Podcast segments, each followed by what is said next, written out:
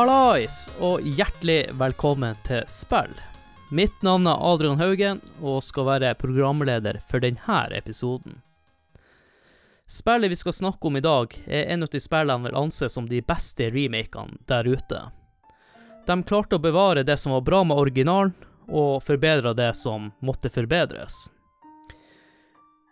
Spillet er en remake av NES-spillet fra 1988, som ble laga av han Tokuru Fujiwari, som blant annet har jobba med spill som Ducktales og Megaman. Faktisk er også originalen en spin-off av kommandospillserien, og spillet heter opprinnelig Top Secret i Japan. Og i dag får vi faktisk besøk av director og composer til Bionic Commando Rearmed. Men først skal jeg introdusere den andre gjesten som jeg faktisk spilte det spillet coop med på release. Og hjertelig velkommen til deg, Ralf Nublin fra Sidelinja. Ja, hei, hei. Det her eh, har jeg virkelig gleda meg til å snakke om. Også at vi får storfint besøk. Ja, for i opprinnelig så hadde vi jo tenkt å- at denne episoden skulle være som en vanlig spillepisode, men så endra det seg brått når eh, vi fikk eh, kontakt med den andre gjesten. Vi, vi, var vel egentlig også innom at det her han, eh, kunne være en sånn kjapp og enkel eh, spillbreak. Ja, Så, så den, den, den, den har jo vokst litt i dimensjonene, denne, den her, og, og, og eh, ja, den episoden her. Men det er vi jo bare glad for. Det, det her kan bli virkelig spesielt. ja og litt sånn surrealistisk med tanke på at eh, vi spilte spillet første gang for 13 år siden, og så Mm. plutselig nå skal vi sitte her og prate med han som har vært director for spillet og lagd den fantastiske musikken. Ja. Så eh, denne episoden blir en slags intervjuepisode, og det er jo første gang i spills historie at vi har kjørt en sånn her type episode. Så det er jo litt spennende å se hva vi får til. Så dere får, dere får eh, gi oss noen eh, bonuspoeng bare for at vi Det er første gangen. Vær, vær litt tålmodig med oss. vi håper det går bra. Nei, vi regner med det. Før vi spilte Bionic Commando Rearmed, hadde du spilt originalen? Nei, det hadde jeg ikke. Har ikke hadde ikke noe forhold til eh, en Altså, det var jo Nintendo 8-bit. Eh, og ja, det gikk mye i Mario for min del, eh, og det gikk i Men jeg var jo kjent med de andre spillene, da Ducktales og, og, og Megaman har jeg spilt mye. Men eh, Bionic Commando, den, eh, den hadde jeg ikke fått med meg, rett og slett. Heldigvis så hadde jeg spilt det her da jeg var liten. Det var en eh, kompis jeg hadde på den tida som hadde det her spillet. Så vi spilte en god del. Så derfor jeg sperra opp øynene når jeg plutselig leste på spillnyhetssider at det skulle komme ut et nytt Bionic eh, Commando Rearmed, som var en remake av originalen. Og da ble jeg litt opphypa og eh, nevnte det her spillet for det. Og så inviterte du på Nå er demoen kommet. Var, ikke, jo, var det ikke en demo? Ja, jeg mener det. Jeg lurer på om det var en demo.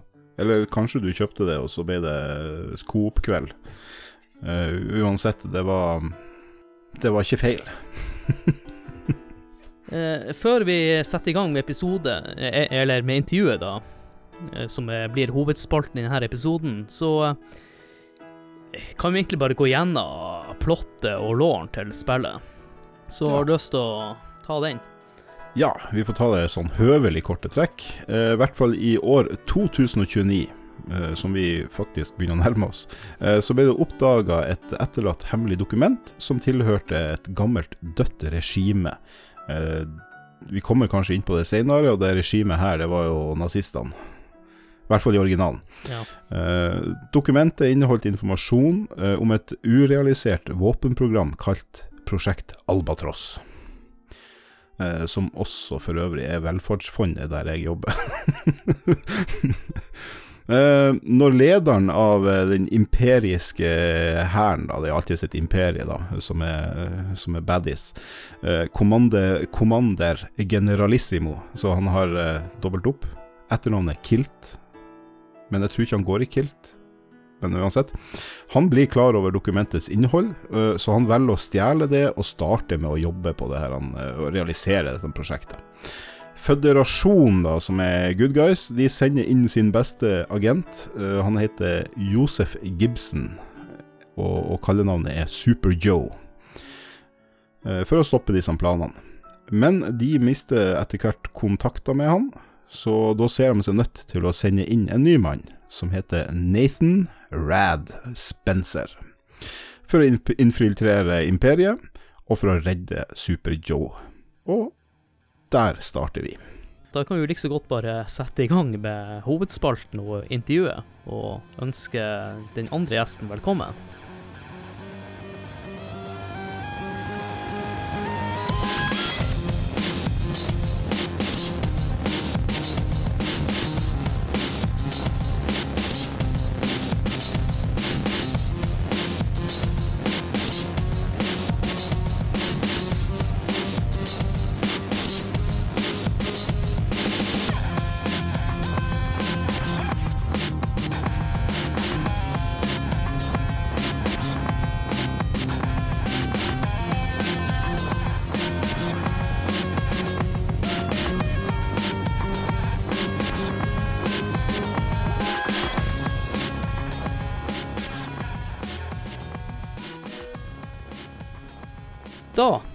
Er vi klar for intervjuet med han Simon Wiklund, som er director og composer for Bionic Commando. Og velkommen til deg, Simon Wiklund. Tack så mycket. Vi kan jo starte litt sånn eh, lett, og da lurer jeg egentlig på hvem er du, Simon Wiklund, og hvordan kom du inn i spillbransjen? Ja, det är en existentiell fråga. Men eh, jag vet inte riktigt. Jag, jag kan svara på hur jag kom in i spelbranschen är ganska enkelt att svara på. För att eh, det råkar bara vara så att jag gick i samma gymnasieklass som en kille som hette, som fortfarande heter, Ulf Andersson. Och han startade ett företag tillsammans med sin äldre bror. Och det företaget hette Grinn. De behövde någon som gjorde musik och ljudeffekter och jag var intresserad av det. Så att medan jag fortfarande gick på gymnasiet så hjälpte jag dem på kvällar och helger. Eh, och jag kom ofta för sent till skolan för att jag satt uppe på nätterna och skapade musik Mm. för de här projekten. Och eh, ja, rätt vad det så hade de fått en finansiär som hade investerat pengar i deras, i deras företag. Och då var jag en av de första som de anställde. Och då hade jag redan gått ut gymnasiet vid den tiden. Men eh, så kom jag in. Det var helt och hållet på tur. Mm. Det var bara eh, på ett bananskal. Jag hade inte, jag, vet, jag har alltid tyckt om tv-spel väldigt mycket eh, och varit fascinerad av, spelat mycket tv-spel, eh, drömt om att skapa tv-spel och ritat figurer och liksom eh, drömt liksom om det. Men, eh, men eh, jag visste inte hur man skulle ta sig in i den branschen. Eh, Ulf var en sån som eh, drömde och förmodligen gjorde vad som krävdes för att uppnå den drömmen också i större utsträckning. Och jag bara råkade glida med liksom. Så har det blivit. Jeg hadde jo tenkt å begynne i spillbransjen når jeg skulle velge skole, da. Ja. Det som skjedde, er at jeg valgte elektro, fordi at på den tida, som du sjøl vet, Simon, så fantes det ikke noen spillutdanninger. Nej. I hvert fall ikke i Norge. Så da begynte jeg på elektro, da. Så det er egentlig hovedgrunnen til at jeg jobber som elektroingeniør i dag. Jeg skulle egentlig lø- jobbe med spill, men det skjedde aldri. Nej, det är bättre utbud på utbildningar idag, helt klart. Det är en... Eh, branschen har vuxit enormt mycket, förstås, och det finns en marknad. Mm. Og dere i Sverige har jo litt flere spillselskaper enn i Norge, så Mhm. dere gjør det jo veldig bra i, der i nabolandet vårt. Mm. Ja, Norge kommer litt etter. Eh, det var veldig lite før. Vi hadde vel ett kjent firma i Norge, mens Sverige hadde jo flere. Så Ja, just det. det, det begynner jo å hende noe, noe i Norge òg. Heldigvis. Du snakka litt om at du starta i Grind. Det var det som var inngangen din til spillebransjen. Exakt. Lurte på om du kunne fortelle oss litt om eh, selskapet Grind. Ja, det startades av Ulf och Bo och eh, Bo var den äldre brodern som hölls lite mer i, vad säger man säga, strategiska, eh, liksom, eh, och ekonomiska och eh, kontakterna med andra, liksom, vad säger man, samarbetspartners och liknande. Och Ulf var mer den kreativa, liksom, som tänkte ut vad spelen skulle handla om och väldigt begåvad inom många områden, så han har väldigt bra fågelperspektiv på allting. Eh, han vet hur, hur han vill att spelen ska se ut. Han kan eh, Photoshop, han kan 3D Studio, han kan de olika programmen, liksom. han kan programmera, han kan musik, han, vill, han vet hur, hur han vill att spelet ska låta. Han är väldigt duktig på att analysera spel och och förstå vad som gör att spel, är- ett spel funkar och ett spel, ett, varför ett spel är roligt. Liksom. Och eh, vi var 12 killar från första början tror jag. Eh, jag minns min första månads, eh, min första lön var 12 000 kronor före skatt. Det blev Mm. kanske 8 000 kronor efter skatt. Och när man är ungefär 20 år gamla då klarar man sig på så lite pengar. Ja da. ja. Da var du rik. Jag hade en, Ja, jag hade en, hyres, en hyresrätt som kostade kanske 800 kronor i månaden. Oh. Eh, så det var, jag bodde billigt och eh, vi var liksom bara unga och hungriga och försökte få pengarna att räcka liksom och, och göra någonting. Ja. Mm. Vi, vårt första spel hette Ballistics och det var ett racingspel, futuristiskt racingspel där man kör eh, hoverbikes av något slag i en, en sluten tunnel. Jag tror att det fick viss eh, uppmärksamhet för att det utnyttjade en hel del av det som då var det senaste från Nvidia. Eh, Mm. De gjorde grafikkort redan då och eh, det utnyttjade, jag kan inte minnas nu exakt vad det var för funktion eller vad det var för någon feature på Nvidia-korten, men det var någonting som gjorde att vårt spel såg väldigt avancerat ut. Mm. Och sen så släppte vi ett spel till som vi också var, designat helt själva som heter Bandits, Phoenix Rising. Och sen efter det så började vi faktiskt göra mest eh, work for hire-projekt. Ubisoft kontaktade oss och frågade ifall vi ville göra PC-versionen av det som då var det nya eh, Ghost Recon-spelet. Det hette Ghost Recon Advanced Warfighter. Det skulle komma 2005 om jag inte missminner mig. Så vi utvecklade det spelet 2004. Jag minns inte, vi började redan 2003. Jag minns inte exakt faktiskt. Men, ja. Och vi köpte ett väldigt fint kontor i centrala Stockholm. Och vi kände som att vi liksom, nu är vi verkligen inne i, eh, nu har vi lyckats. Och så gjorde vi uppföljaren, Advan- Ghost Recon Advanced Warfighter 2. Eh, till PC-versionen också. Och sen så efter det så blev vi kontaktade av Capcom. Och Capcom var intresserade av att vi gjorde en omtolkning eller en, en uppföljare eller någonting baserat på Bionic Commando. Mm. Ja. Eh, och jag blev ju alldeles tokig för att jag har alltid älskat Bionic Commando ända sedan jag var liten kille och spelade 8-bitars Nintendo på 80-talet. Så jag var bara wow, ska vi göra det?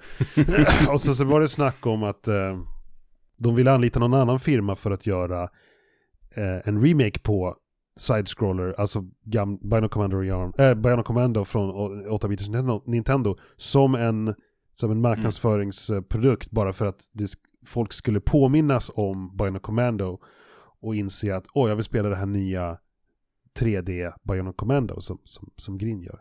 Och då sa uh, Ulf och uh, de andra som bestämde på Grin, nej men vi kan göra, vi kan avsätta en, en del av vårt utvecklingsteam och göra den här, vad heter det? Eh, Remaken. Ja, remaken liksom.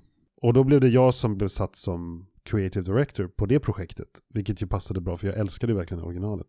Så jag hade Mm. faktiskt inte jättemycket att göra med, med, eh, med 3D-spelet. Men, och jag var djupt försjunken i, i det andra projektet. Det, det stal all min tid. Och eh, vi var ett litet team på 10, 11 personer tror jag tillsammans med mig.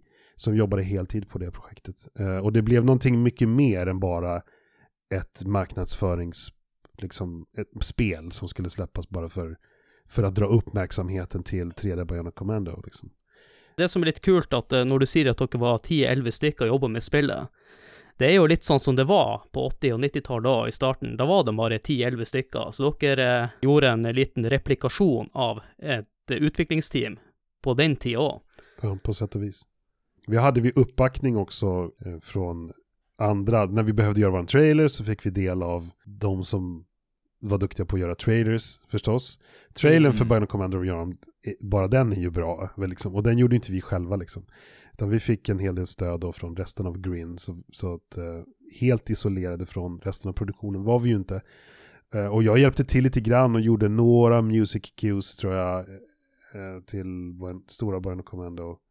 Jag fick faktiskt flyga över till USA ett par gånger och eh, övervaka röstskådespelarinspelningen när vi gjorde vo- alltså voice actors som skulle, skulle bidra till det spelet liksom. Så jag var fortfarande lite audio director för, för Bionic Commando, 3D Bionic Commando. Det var kul. Jag fick träffa Mike Patton som gör rösten till eh, huvudkaraktären i Bionic Commando. Det var Mm. roligt. Ja, det var kult. För han är ju sångare i, eh, en massa olika band förstås, men eh, ja, han är lite idol också liksom. Det, det jeg syns er litt kult eh, med Bionic Commando Rearm, da, er at eh, det var ikke så normalt i 2008 å lage eh, 2D-plattformere. Ja, Og det her er blitt mer vanlig i senere tid med indie-gaming. just det. Så eh, det var jo litt kult at eh, Capcom ga en go for å lage en eh, 2D-remake av originalen. Ha, hadde Mm. dere gjort dere noen tanker når dere skulle lage det spillet her? Vil dere være mest mulig tro mot originalen, eller vil dere eh, forbedre originalen? Hva var deres visjon for eh, Bionic Commando Rearmed? Ja, det var en svår balansgång. Eh, vi, vi, puh. jag, jag, förstod, jag ska inte säga att jag är någon jätteduktig game designer, men jag förstod att mycket här beror på vi måste göra svingmekaniken så lik originalet som möjligt och vi får inte ändra på, på level design någonting. Mm. För att det, vi bara riskerar att förstöra, för det är det som det häng, hänger på.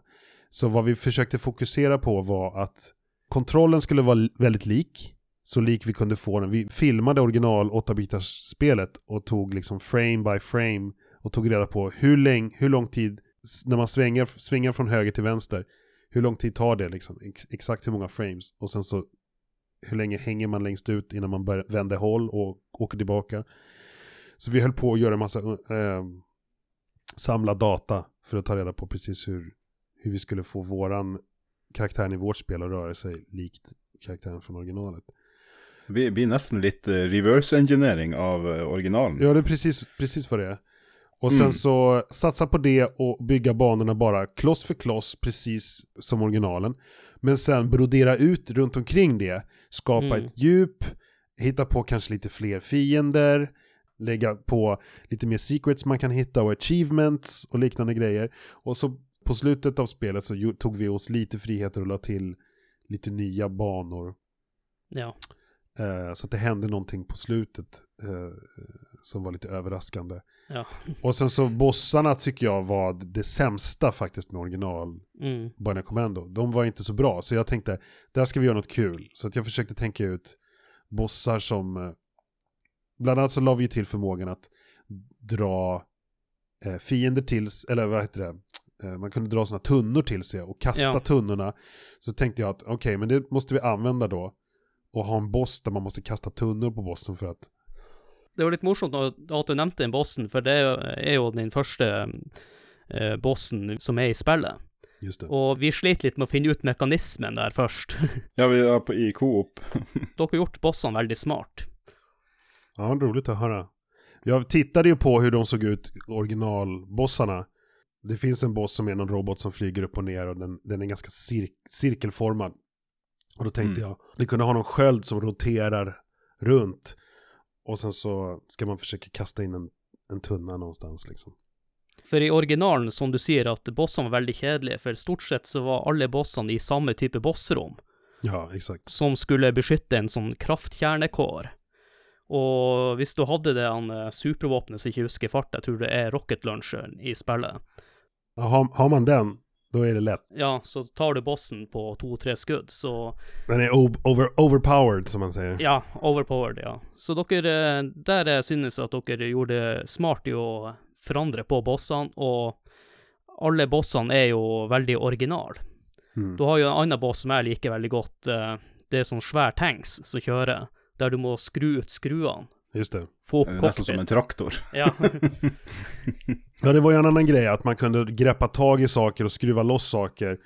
Hur gör man en boss där? Ja, men kanske en boss som har någon typ av pansar, eller Mm. något skydd som man ska skruva loss och så kan man skada bossen först när man har skruvat loss de här sakerna. Sen har vi den här som fångar dig i något mag- magnetiskt fält och så ska man då boxa tillbaka de här svetsarmarna som, som åker in mot dig. ja. Jo, så jag tittade på vad vi hade för olika mechanics i spelet, vad man hade för olika rörelse, alltså vad, vad spelaren kunde göra. Och man kan ju skjuta ut armen i olika vingar, man kan ducka och skjuta armen, ut armen, man kan stå upp och skjuta ut armen och så kan man skjuta den diagonalt, höger och vänster och uppåt. Och så just att man kunde ta, greppa tunnor och man kunde kanske greppa tag i någon skruv eller någonting och skruva loss. Och så baserade jag då alla boss, alla designs på, på det. Så att man, eh, bossarna blev lite, te testade din förmåga Ja. att behärska de här olika teknikerna. Eh, Zelda-spelen gör ju det här mycket bättre. För de introducerar någonting, du går in i ett fort och sen så får du en, kanske en bumerangen Mm. och så får du springa omkring lite grann med bumerangen i spelet och sen så kommer, alltså i fortet får du, får du eh, låsa upp nya dörrar eller du kan nå nya områden tack vare bumerangen. Och sen så på slutet kommer en boss. Och bossen testar din förmåga, det blir som ett examensprov. Mm. Kan, du Mm. behä- kan du bumerangen nu?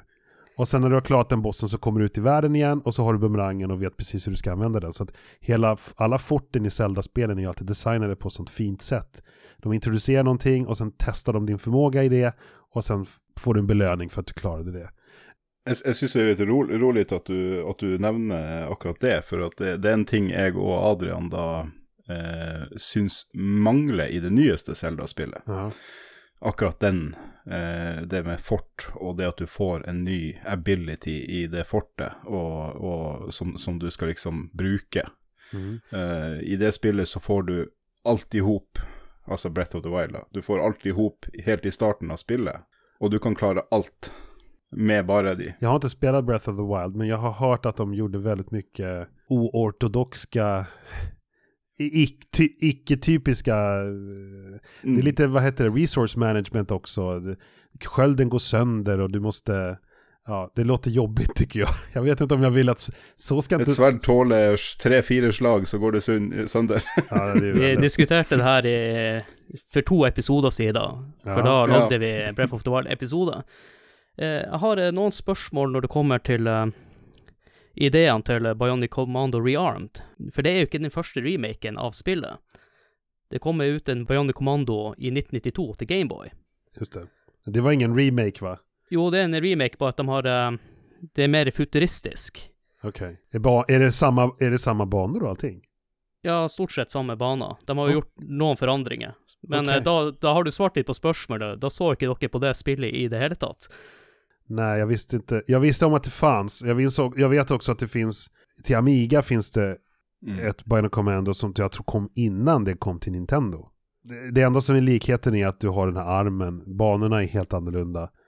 Eh, det, det ser inte ut eh, på samma sätt. Det är förmodligen snyggare än vad 8-bitars Nintendo-versionen är. För att Amiga hade ju bättre grafik än vad Nintendo hade. Ja. Men jag tittade inte på någon av de spelen för att för mig var eh, 8-bitars Nintendo Bionic Commando, det var mitt Bionic Commando. Och det var det som Capcom var inställda på att vi skulle göra också. Det var det som var mest känt. Så dere henta ikke ideer fra andre Bionic Commando-spill? Nej, exakt. Jag, jag tittade enbart på Nintendo-versionen, helt enkelt. Var dere i, hvem var dere i kontakt med hos eh, Capcom? Var det, noen, var det noen fra det originale Var, var de fremdeles i Capcom, noen av de som hadde jobba på originalen? Eller ing- ingen eh, som hadde kjennskap til originalen? Ingen faktiskt. Eh, jag frågade inte om det fanns någon kvar. Kanske att, vad heter hon? Junko Taima, Taima, nej vad heter hon? Da er det Tokuro Fujiwara var den som var director, var det ikke det, Adrian? Han som lagde originalen. Som lagde originalen. Junko Taim- Tamiya är kompositören. Ja. Ah, Eh, hon kanske jobbar inom Capcom fortfarande, jag vet faktiskt inte. Mm. Men eh, nej, det var, ja, de erbjöd aldrig oss att komma i kontakt med någon på Capcom som hade varit involverad i originalen. Alltså de som, våra kontaktpersoner på Capcom sa inte, här är originalmedlemmarna från originalteamet. Fråga Ja. dem vad de ville göra. Det hade varit rätt häftigt. Fråga dem vad de ville göra eh, på 80-talet som de inte kunde göra. mm. Eh, Det hade varit rätt häftigt. Eh, Men eh, nej, det var inte så det gick till. Vi, vi fick helt fria tyglar. Liksom. Jag fick tänka själv, vad, vad, vad tror jag att de hade velat göra om de hade kunnat göra det? Och då tänkte jag ju det här med lite roligare bossar och kanske man kan rycka tag i, i tunnor och kasta dem och rulla dem och lite så. Ja, bruke armen til mer enn eh, enn bare å svinge seg. Precis. Mm. En annen ting som dere eh, endrer på i spillet, det er jo selve hovedkarakteren, da. Mm. Han Rad, som han heter i original. Just det. Og dere ga han et eh, navn, tror jeg. Nathan Rad Spencer. Eller var det dere som ga navnet, eller hentet dere navnet fra et annet Bionic Commando-spill? Eh, det där var någonting som bestämdes av 3D Bionic Commando. OK. Så det var, Mm. det var någonting som bestämdes att han skulle, han skulle heta Nathan Spencer. Jag tror att de sparade Rad mest som en referens till originalet. Men jag är inte säker. Någon gång var det diskussioner om att Rad skulle stå för Research and Development. Att han Mm. var någon typ av prototyp, alltså att det handlar om eh, att han var en ä- militärens ägodel. Att de hade utvecklat hans bioniska arm och därför var han en del av ett forskningsprojekt. Och han fick namnet då, Research and Development. Uh, och att RAD stod för, RAD stod för Research and Development. Men, men jag vet inte om det, om det är någon som har spelet, alltså 3D Bionic Commando kanske man, om man spelar spelet, stavas RAD med stort R och litet A och D, eller är det, är stort R, stort A, stort D? Det vet inte jag. Nei, jeg har ikke forska på det, da, men eh, Nej. selve designet av karakteren eh, Jeg har lest at han er inspirert av eh, Iceman i Top Gun. Stemmer det? Eh, jag minns att det var någonting som eh, Jakob Tuchten sa i en intervju, absolut. Jakob Tuchten var eh, art director på Bionic Ja. Commander Rearmed. Och vi jobbade tätt tillsammans för att, för att skapa spelet. Liksom. Han var väldigt involverad eh, och älskade också gamla plattformsspel och Bionic Commando. Så han hade mycket att säga till om eh, och många bra idéer för game design också. Men han, han tyckte, han, han, han eh, omfamnade det här 80-tals, eh, det skulle vara starka färger, det skulle vara starka personligheter och det skulle vara häftiga frisyrer och det skulle vara, Mm. ja, han gillade hela den grejen och, och det här med att han springer omkring med solglasögon och, och så, det skulle vara, Det som er morsomt, at eh, når du spiller coop, eh, toplayer Toplayeren, det ligner veldig på han Duke Nukem. ja det blir det, för han är blond. Ja, ja, og så rød, rød drakt. Just det, ja det blir väldigt Duke Nukem ja, precis. Jag vet inte om det var medvetet eller inte. Det, det vet jeg ikke. Det, det er du som har svarene på Det är, det. är en det är en tolkningsfråga. Nej men han var nog inspirerad av, eh, av eh, alltså Iceman var nog en av inspirationskällorna. Definitivt. Det finns ju en intervju med, med mig och, eh, alltså en, en som vi själva producerade som en behind the scenes Å ja. eh, från, eh, från produktionen. Och då tror jag kanske han nämner det, att Iceman är en av inspirationskällorna till en typisk look, liksom med kragen. Kra, p- popped collar, som man säger. Mm. Ja, du får jo litt Den lille du får eh, fra historia eh, i spillet, da, ty- den, den personligheten han har, er jo veldig som eh, over the top. Eh, som ja, typisk eh, Iceman, da. Ja, väldigt kaxig och Og det er jo noen ting som vi, ja, vi Det jo kjemperolig og når man spiller. Eh, den måten han når, den, når du f- møter første bossen, ja, den eh, flygende roboten, eh, så, så den sier jo bare pip, pip, pip. exakt. Og så svarer han bare hei. Ja. ja, där tittade vi på original, di, di, vad heter det, dialogerna från originalet. I originalet så säger ofta bossen någonting när man kommer in i rummet. Men eh, Spencer, eller Rad, svarar ju aldrig Nei. i originalet. Men vi tänkte det kan bli en lite rolig dialog där och då kan han få lite Ja. mer personlighet och då kan han vara lite over the top och liksom, vi försöker att skapa någonting där vi tar inte oss själva på för stort allvar. Han kan vara lite som en Arnold Schwarzenegger one, one-liner action hero. Ja. ja. Dere har lagt veldig mye humor i de dialogene. Det Ja. syns jeg er fantastisk. Så både jeg og Ralf satt og humra litt, eller fli, flirte litt når vi Skratta mye når vi spilte. spilte Ja. ja, roligt. Eh, Vi var jo inne på det med coop. Det er noe av det aller beste med spillet, synes jeg, at dere har lagt inn coop, toplayer-funksjon. Det synes jeg er fantastisk. Som jag minns det så var det, vi hade en producent på Capcom som var amerikan, som bodde i Japan, jobbade inom Capcom som översättare. Så när det kom gäster till, till Capcoms kontor som bara kunde prata engelska, då översatte han från engelska till japanska. Och han kunde översätta från japanska till engelska. Och han klättrade inom företaget och gick från att vara översättare till att vara producent. Konstigt nog. Jag vet inte vad han hade för kriterier, eller vad han hade för, eh, vad säger man? Kvalifikationer. Kva- Ja, exakt. Eh, för, för det jobbet. vi hade en del att säga. Eller vi hade en del eh, åsikter om hur han skötte sig som, eh, som producent. Eh, men han, eh, även en blind höna hittar sina korn, som man säger. Eh, och han kom, han föreslog, eh, jag hade, ah, varje dag fick jag ägna två timmar åt att bara svara på mail från honom. Och han hade många fruktansvärt dåliga idéer som han ville få in i spelet. För att han satt ju på Capcom och han tyckte att han kunde bestämma då vad som skulle, hur spelet skulle se ut och hur det skulle fungera. Och jag var tvungen att vara, de, hade ju ändå, de betalade ju oss för att göra spelet. Så det var ju svårt för mig att säga nej, men jag måste, jag måste komma med bra argument. Och så jag satt och skrev långa, långa, långa mail. Men en gång så sa han så här, jag tycker vi ska ha cooperative i spelet. Åh, det tar ju en evighet att lägga in, tänkte jag. Ja. Jag, så, jag nämnde det, han, han underskattar, han underskattar totalt hur mycket tid det tar att skapa en cooperative mode. Men jag, som jag minns det så pratade jag med de programmerarna. Ja, den här producenten nu säger att vi ska ha cooperative i spelet tycker han. Åh, han tog sig för pannan. Nej men det är, ju hur mycket, det är ju hur mycket jobb som helst. Och sen så dagen därpå så sa han att Nej, men jag satt uppe igår kväll och provade att lägga in så man har två spelare. Det går alldeles utmärkt. Mm. Om vi bara struntar, om de inte krockar med varandra, alltså om man kan röra sig helt oberoende av varandra, helt independent av varandra Mm. Och ta tag i samma tak och samma byggkloss eller samma liksom tile i spelet och svinga in i varandra utan att krocka och man inte skjuter på varandra. För visst är det så att man, man, man kan inte, det finns ingen friendly fire eller någonting. Nej. Nej, nej. Nej, då, då, ja, det var ju klart det finns en del, liksom, hur, vad händer när den dör?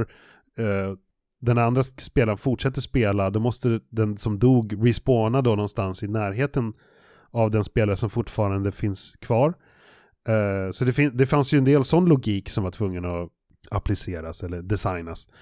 Eh, Mm. Och så lägga in i menyn då att man kan starta spelet som två spelare och eh, jag vet inte, finns det möjlighet att hoppa in när man spelar single player att en, en annan spelare bara hoppa, haka på mitt i spelet när man vill? Jag är osäker på om vi någonsin har prövat det. Nej, Jag minns inte, men det var lite sådana saker, den typen av saker var vi tvungna att utforma, men det visade sig vara väldigt enkelt. Men sen så minns jag om vi, vi sa det till Capcom att det var så enkelt. Vi var så här, åh, vi har jobbat så hårt.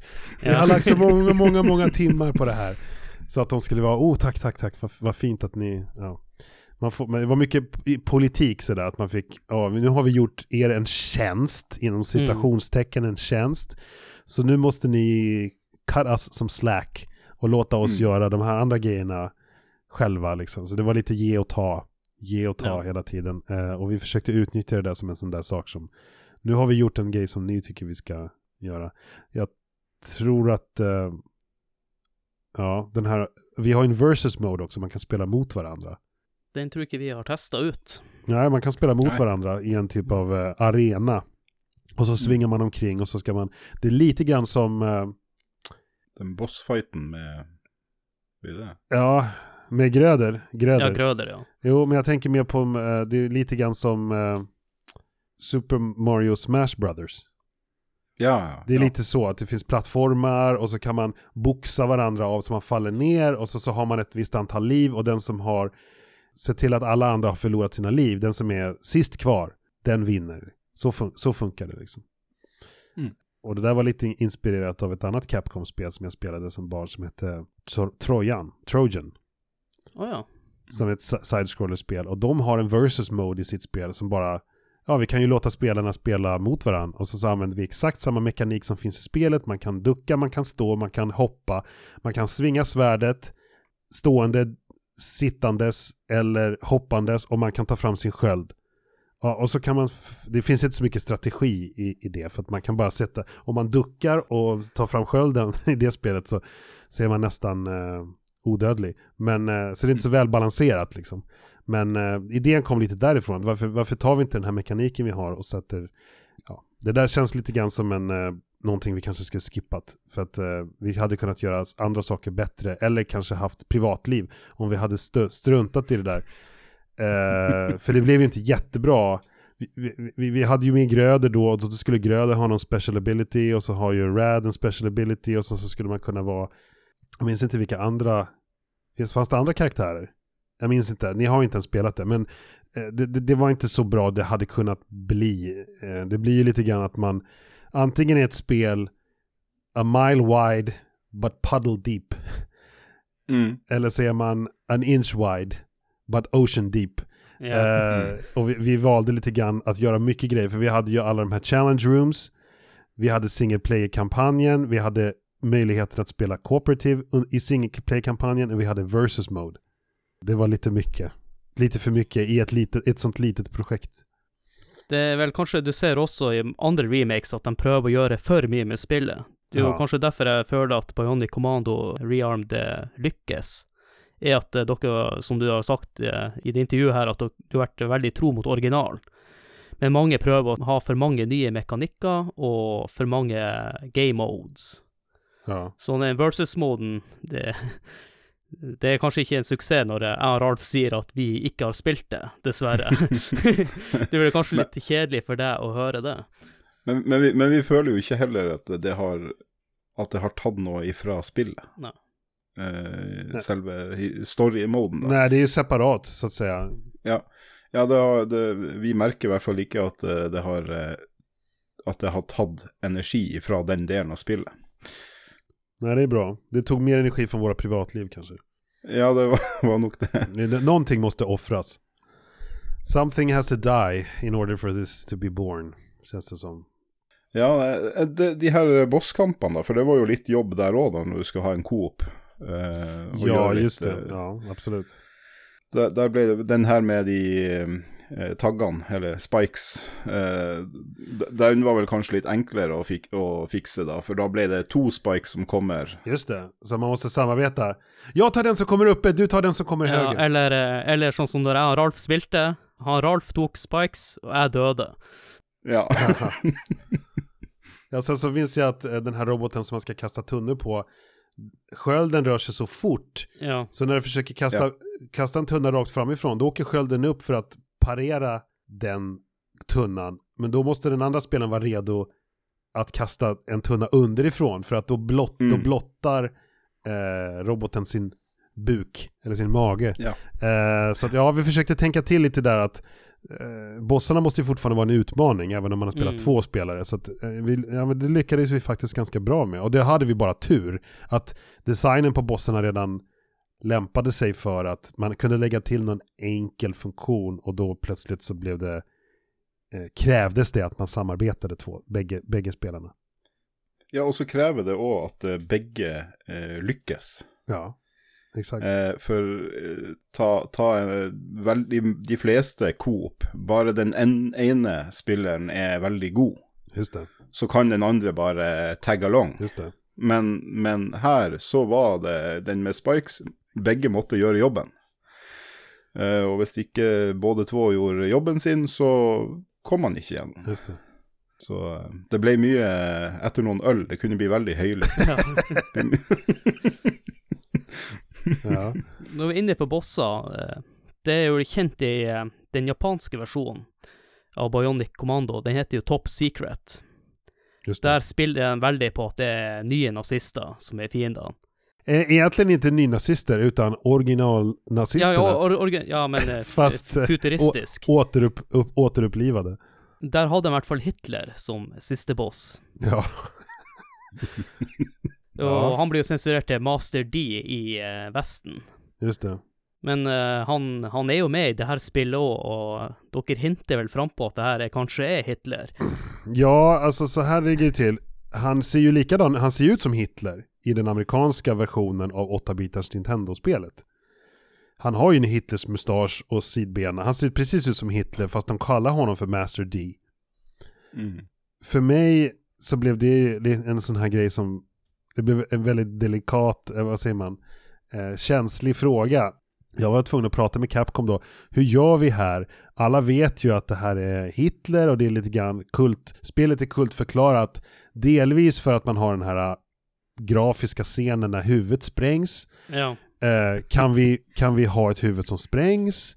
hur, hur mycket blod och hjärnsubstans och eh, gore kan vi ha? Kan han ha en Hitlermustasch? Hur, hur likt kan det vara?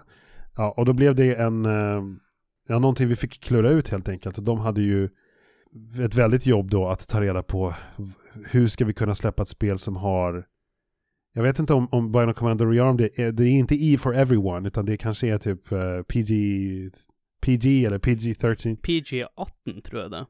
Vad sa du? PG-18 tror jag sjekka sist. Jag såg på YouTube Oj, eh, oj, rett oj. før intervjuet at han visste at det var PG-18. Okej.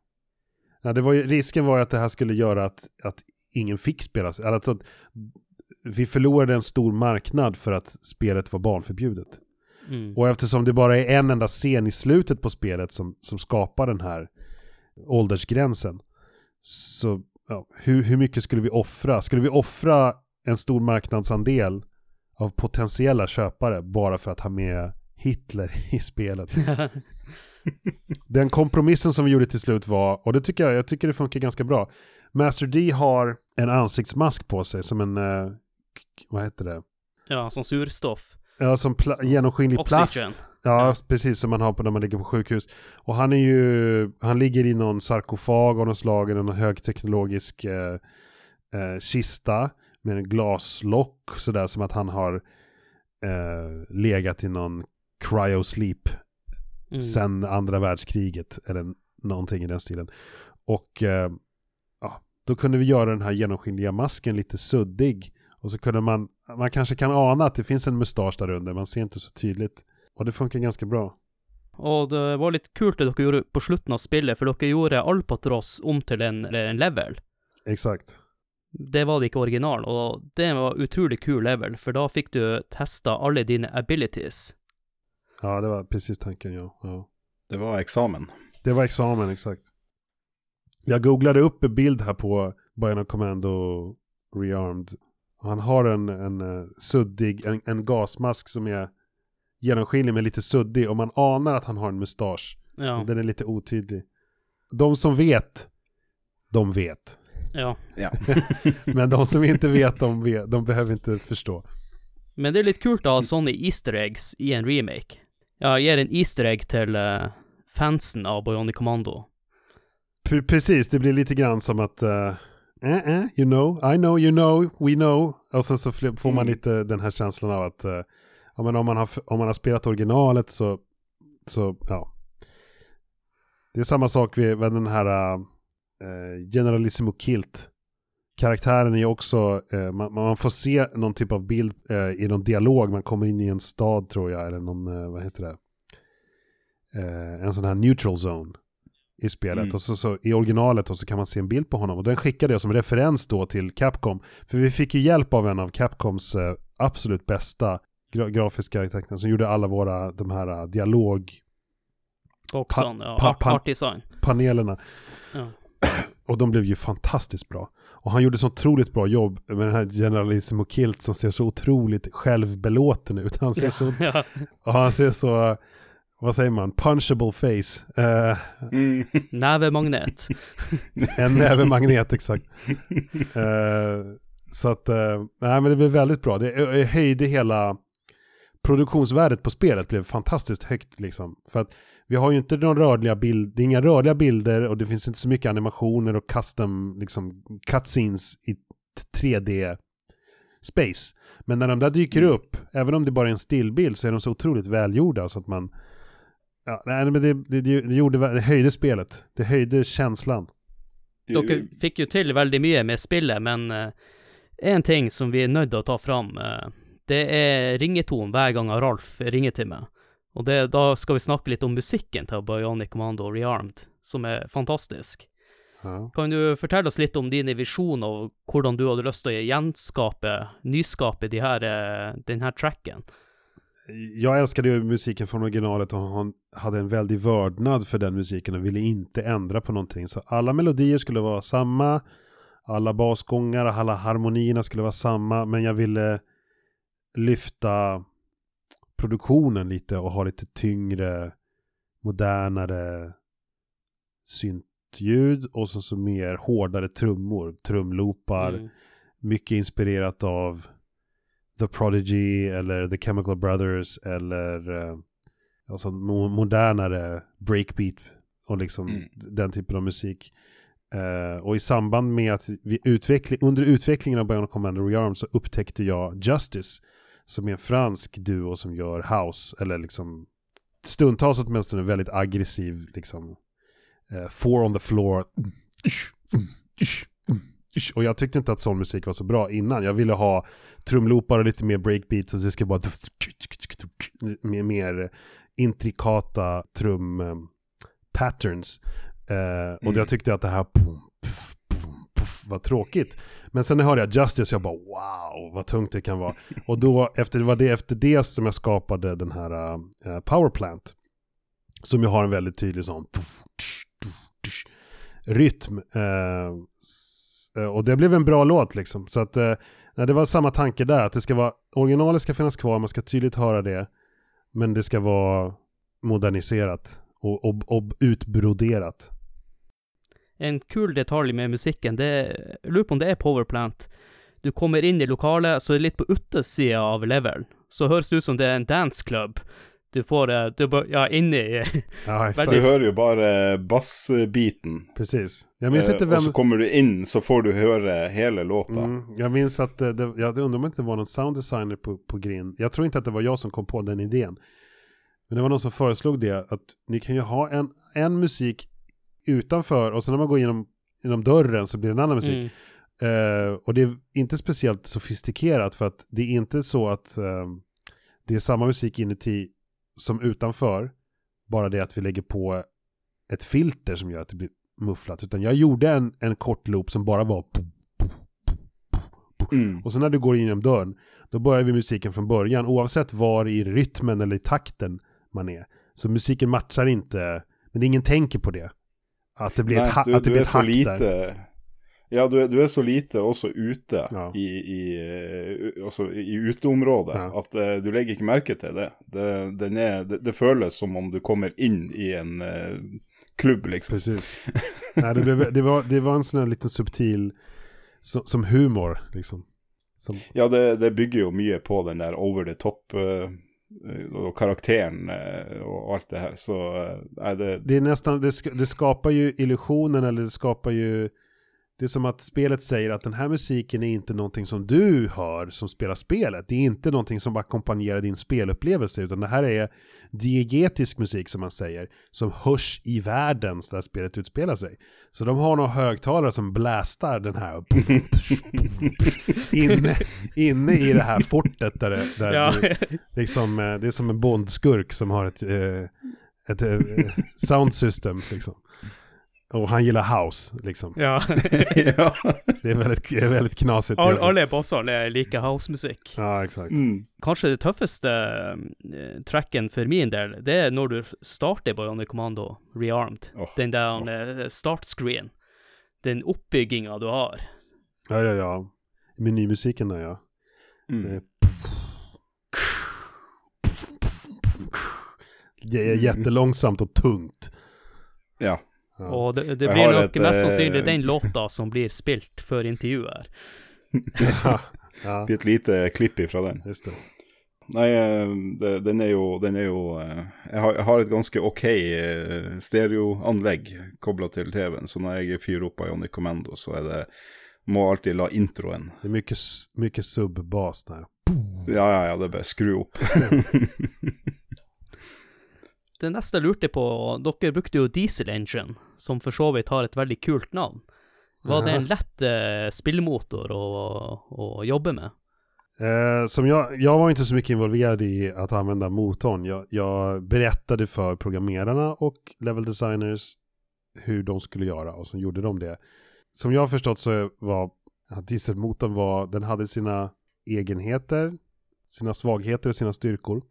Men vi försökte inte göra någonting fancy, vi försökte inte göra någonting jättesvårt, så jag tror inte att det, egentligen inte jag är rätt person att svara på det, men jag tror inte att det var så någon utmaning att göra det spelet rent, rent tekniskt. Men uh, den har ju någon fin, eh, Du har väldigt många fina, uh, eh, alltså god bruk av den, då. Uh, men, men det kan ju vara mer jag tänker på någon, i någon sånne område, så har du bara silhuett. Just det. Så hele, hele bildet blir helt flat 2D. Just det. Eh, og så har du kun silhuetter av allting. Og så det, det jo mye bruk av, eh, av eh, ja, nesten filtereffekter, eller eh, Ja, absolut. Nej, men det, Mm. Vi försökte...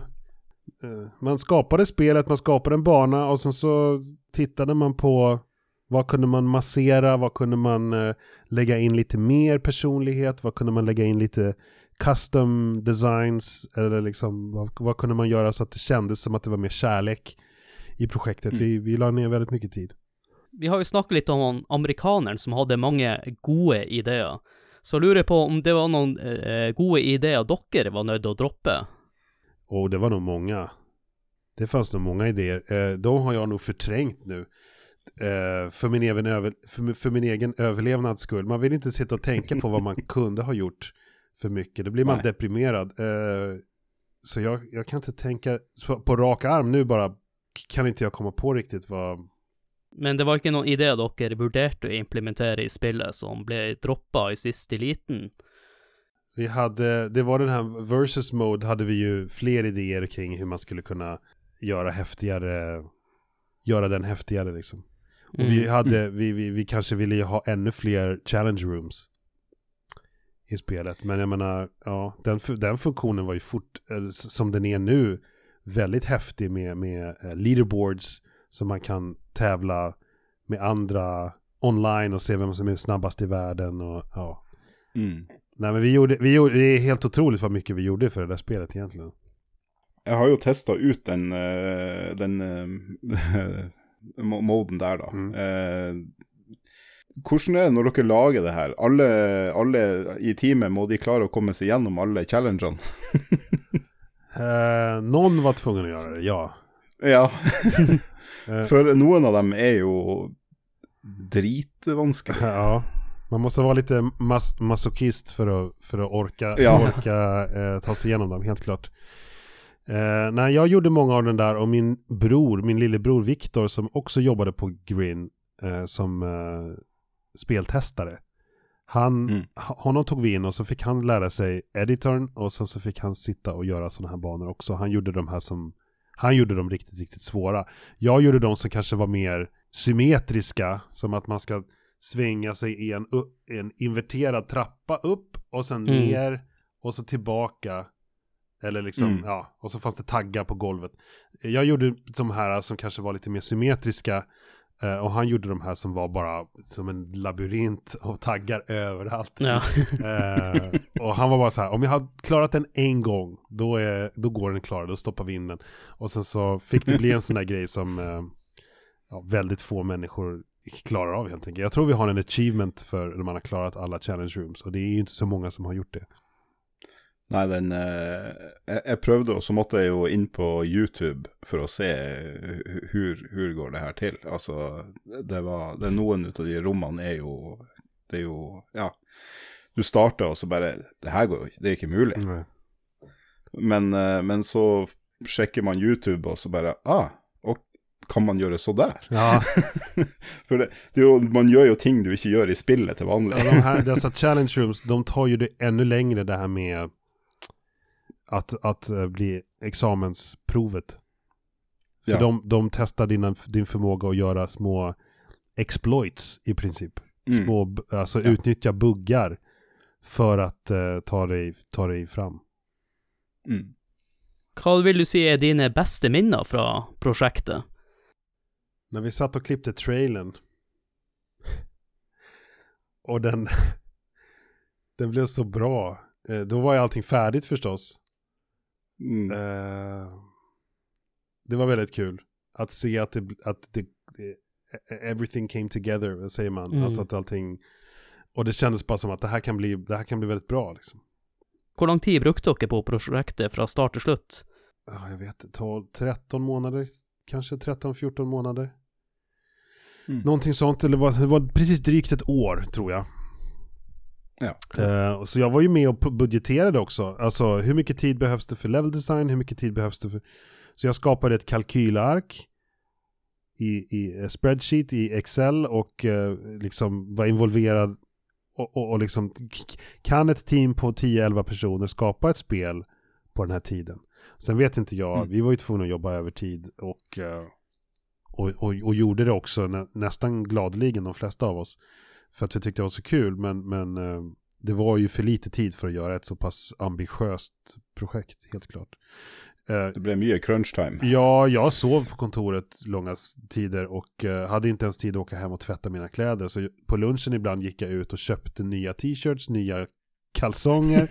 och så, så stoppade jag min smutstvätt i en påse under min, eh, mitt skrivbord. Och sen så tog jag på mig, duschade på kontoret, tog på mig nya nyköpta kläder. Och så fortsatte jag jobba. Eh, jag mm. hade en säng, en viksäng som jag vek ut på, ja. på kontoret och sov. Så det, det, var, det var väldigt hårt jobb, eh, helt klart. Ja. För, för, för, hårt egentligen. Men ja, det blev ju också mycket roliga, vi satt uppe på nätterna ibland och jobbade och jag minns en gång som min kollega Jakob Tuchten sa det tråkigaste som finns, jag minns inte vad vi pratade om men han sa så här Det tråkigaste som finns, det, fin det är ju de som klär ut sina hundar. Har du sett de som klär ut sina hundar med dräkter och grejer? Vadå sa jag, gör folk det? Och sen så började vi googla och han hade precis sagt att det inte var kul. Han tyckte att det var ja. fantasilöst eller det var, det var tråkigt. Det, det var en sån här grej som han hade märkt att folk gjorde. Och la upp på internet bilder då där de hade sina kläd... Ba, äh, vad heter det? Hundarna var utklädda till en hotdog eller Yoda. Yoda från Star Wars eller någonting. Mm. Och vi när vi såg de här bilderna, vi skrattade så vi ramlade ihop på golvet, vi kiknade av skratt. Alltså jag fick inte luft. Det var så fruktansvärt kul och det var ju bara för att man var så trött. Ja. Men vi hade mm. där ett minne som fastnade liksom, hur, hur vi skrattade åt alla de här bilderna på hundar. Uh, det, var, det, var, det var väldigt roligt. Det har ju ingenting med själva utvecklingen av spelet att göra, men det blev den där typen av uh, bonding och uh, du vet, lite grann är det ju när man är med om trauman tillsammans så blir man sammansvetsade. Mm. Och det är ju på sätt och vis ett litet trauma att offra så mycket av sin fritid och sitt, sin eh, hygien, personlig ja. hygien, eh, sin, eh, ja, men sitt liv liksom. Och bara sitta och jobba på samma sak liksom. Och vi satt rygg i rygg. Så han satt bakom mig vänd bortåt. Så när vi vände oss om båda två så satt vi vända mot varandra och så kunde vi sitta och, och spåna. Ja men vad säger de? Vi gör så här, vi gör så här. Och sen så vände vi, om, vände vi oss tillbaka till våra skärmar och sitter och skriver. Ehm, det blir väl så. Även om man, om, om man har det väldigt tufft så letar ju hjärnan, den mänskliga hjärnan orkar ju inte med att allting ska vara jobbigt. Så man försöker ju haka tag och ta, ta, ta fasta på de sakerna i situationen som är roliga. Kollegorna, mm. humorn, eh, internskämt eh, och eh, sådana saker. Så att vi, vi hade väldigt kul. Eh, men det var alldeles för, för mycket jobb på för kort tid. Men det har, så har nästan alla spelprojekt jag varit involverad ja. i varit. Det är svårt, mm. det är svårt att, att, att, att, planera för, för spelutveckling för att det är så mycket som eh, man inte vet när man börjar. Hur, det ska, hur saker ska funka och är det roligt att, att när spelet fungerar på det här sättet? Nej, vi måste balansera om. Okej, okay, men då måste vi också designa om. Så bossen kan inte se ut så här, för den kommer inte längre bete sig så här. Och så, så läggs det på tid och allting kostar jättemycket pengar för att eh, alla är specialister. Så ja. De stora projekten har ju liksom, en, de har ju inte bara grafiker eller 3D-grafiker, de har ju 3D-grafiker som specialiserar sig på karaktärer och andra 3D-grafiker som specialiserar sig på hard surface modeling som är liksom fordon och vapen och liknande. Eh, props och du har 3D-grafiker som sitter och skapar växter och specialiserar sig på eh, vad säger man, väck i kläder. Alltså det finns mm. så mycket liksom. Så att eh, nu var ju inte Band Commander Realm den typen av projekt. Men det, det är dyrt med spelutveckling. liksom så att när det obönhörligen oundvikligen eh, drar ut på tiden så, så börjar det kosta massa, massa pengar. Eh, och då, för att pengar inte ska ta slut så måste alla jobba snabbare istället för att, för att deadlinen ska skjutas på framtiden. Det är litt morsomt beskrivet. Det høres litt ut som jobbene til eh, meg og Ralf også. Ja, vi, vi, er jo ingeniører begge to, og, og vi, vi, er jo, vi, jo, kjent med mye av det. eh, prosjektene som vi jobber på, er jo my mye likt. Ja. Det er bare ikke noe grafisk eller noe spill vi holder på med. Det er store, store bygg og sånt som vi jobber Just med. det. Men eh, det, blir- det blir, problemene blir de samme. Precis, precis. Och man tar fasta på det, det roliga ändå, för att man måste, Ja. man, måste man, man kan inte bara gå omkring och, och tycka, tycka illa om sin situation, man måste självklart tillåtas att, att ogilla situationen, men man måste hitta de här uh, the nuggets, Mm. the golden nuggets i, i, i varje situation och bara, nej men den här kollegan är rolig att vara med och vi har den här humorn och vi kan lyssna på den här musiken tillsammans eller vi kan, eh, vi har de här skämten tillsammans som bara vi förstår. Eh, så det var ju liksom, ja mycket sånt. Skikkelig team. Ja, eh, Ralf, du har jo spilt spillet nå nettopp. Ja. Og mitt spørsmål er Det er vel ikke lett å få tak i spillet i dag? Nei. Eh, man får jo tak i spillet på PlayStation 3, på Xbox 360 eh, og på Steam. Så får man tak i det. Just det. Eh, jeg har spilt det på, på Steam, og, men når du, når du installerer det, så er det ikke bare å trykke play. For eh, det, er jo, det er jo et eldre spill, så det støt, eh, Windows 10 støt, støtter ikke spillet på, på, på noen god måte. Eh, og så tar du i bruk physics fra Nvidia, så man må gjøre noe, man må gjøre noe sånn eh, ja, patching, eh, kjøre det i sånn eh, kompatibilitetsmodus. Mhm. Eh, og ja, det, det er litt triksing att og fram. Um, man, det, for meg så fungerte det å kjøre i Jeg må, måtte installere en gammel Fysex-patch. Og så måtte jeg sp kjøre spillet i kompatibilitetsmodus for Windows 7, Oj. og som administrator. Da, da launcha Ja, det. du måste verkligen förtjäna, du måste verkligen vilja spela. Bionic Commander Men eh, når det, når det endelig starter, da, da, er det, da, da fungerer det jo veldig bra. Ja. Da får du lønn for strevet. Mm. Ja, det, er- det er god lønn eh, for strevet. Men så har jeg jo en eh, Xbox eh, One, da. Og, men så Jeg savner jo det at spillet ikke er blitt eh, tilgjengelig på eh, som backwards compatible på, på Xbox. Nej. Vi sk- Vi skulle ønske at det var, eh, var tilgjengelig på nyere plattformer. Ja. Så Ja. vi lurer på, er det mulighet til å få den her eh, fantastiske klassikeren tilbake, sånn Ja. at de som hører på episoden, som ikke har spilt spillet før, har en sjanse til å spille det igjen? Gjenoppleve det jeg og Ralf har eh, fått gjort. ja, det är jättetråkigt, men det är ju helt och hållet upp till Capcom. Det är bara de som, som har rättigheterna till. Samma sak med musiken. Folk mejlar mig och åh varför finns inte Bionic Commander Beyond soundtracket på Spotify? Det fanns tidigare, nu har det försvunnit. Ja, det är tyvärr Capcom som, som äger rättigheterna till det. Jag har inga rättigheter till att släppa den musiken. Det är helt upp till Capcom. Om de har tagit bort det från Spotify eller från iTunes eller Mm. vilken plattform du nu väljer att eller liksom föredrar att lyssna på musiken på så, så spelar inte det någon, alltså det är helt, det är Capcoms rättighet eh, att Mm. ta bort det. Så jag vet inte, jag kan inte, och jag har inte kontakt, jag har inga e-mail-adresser till någon på, som jobbar på Capcom längre som jag kan kontakta för att, för att få någonting att hända. Det gäller både soundtracket och spelet i övrigt. Jag Mm. antar att de inte ser det som att eh, det skulle vara värt den tid och kostnad det skulle innebära att göra spelet kompatibelt med moderna spelplattformar. Eh, Så att de, de eh, har inte brytt sig om att göra det helt enkelt. Det, det är min gissning.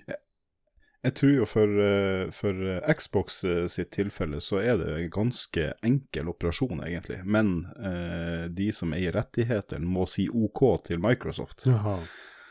Eh, for det er jo sånn de har fått eh, Det er jo veldig mye Xbox, eh, original Xbox, 360 og nå da Ja, du har arca Arcade-spill, og mye Arcade-spill som er tilgjengelig på til og med nyeste den series X og S. Ja. Så de, de har noe magi som de gjør der, da, med bakoverkompatibilitet. Men, men det, må, det må være ok for de som eier spillet. ja, och det är Capcom. Så att, Mm. ja. Man må, måste ju inte kontakta Capcoms eh, japanska kontor. Jag tror inte att det är så många där som kan som skulle läsa ett e-mail på engelska eller något annat språk än japanska för den delen. Men eh, eh, Capcom har ju en eh, amerikansk eh, avdelning Mm. och eh, de har väl Twitter och så, så man kan ju försöka kontakta dem. Jag tror vi måste starta en kampanj här. Att eh, Ja, folk stöttar spel med att få tillbaka Ja. den här klassikern. Den förtjänar att komma fram i rampelyset på nytt. Så jag har ett sista spörsmål i det här intervjuet.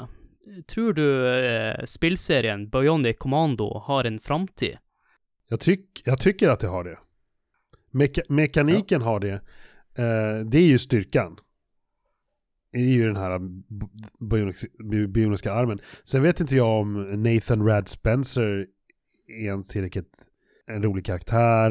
Eh, och ifall Generalismo Kilt och Master D och den storyn, måste, att det måste vara det. Men, men den här mekaniken är väldigt spännande med, Mm. med, för en side-scroller åtminstone. Eh, vi gjorde ju vårt bästa på Grin för att ta den mekaniken in i en 3D-värld. Mm. 3D space liksom. Men det är svårt att få den här, liksom, när släpper du i en sving? För att alla ville släppa när man var längst fram, men då har du ju börjat tappa momentum.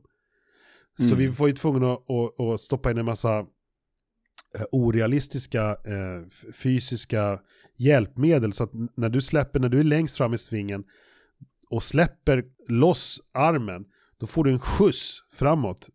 Orealistiskt mycket liksom. F- för att det var så svårt att få folk att släppa när man borde släppa. Man borde ju släppa någonstans när man har passerat mitten och är på väg uppåt lite grann. Då har man ju mycket fart fortfarande. Ja. Eh, och då släpper man och då kan man segla genom luften och så kan man slä- slänga ut armen igen och tsch, ta tag i nästa lyktstolpe eller eh, bro, pelare eller vad det nu är man, man tar tag i.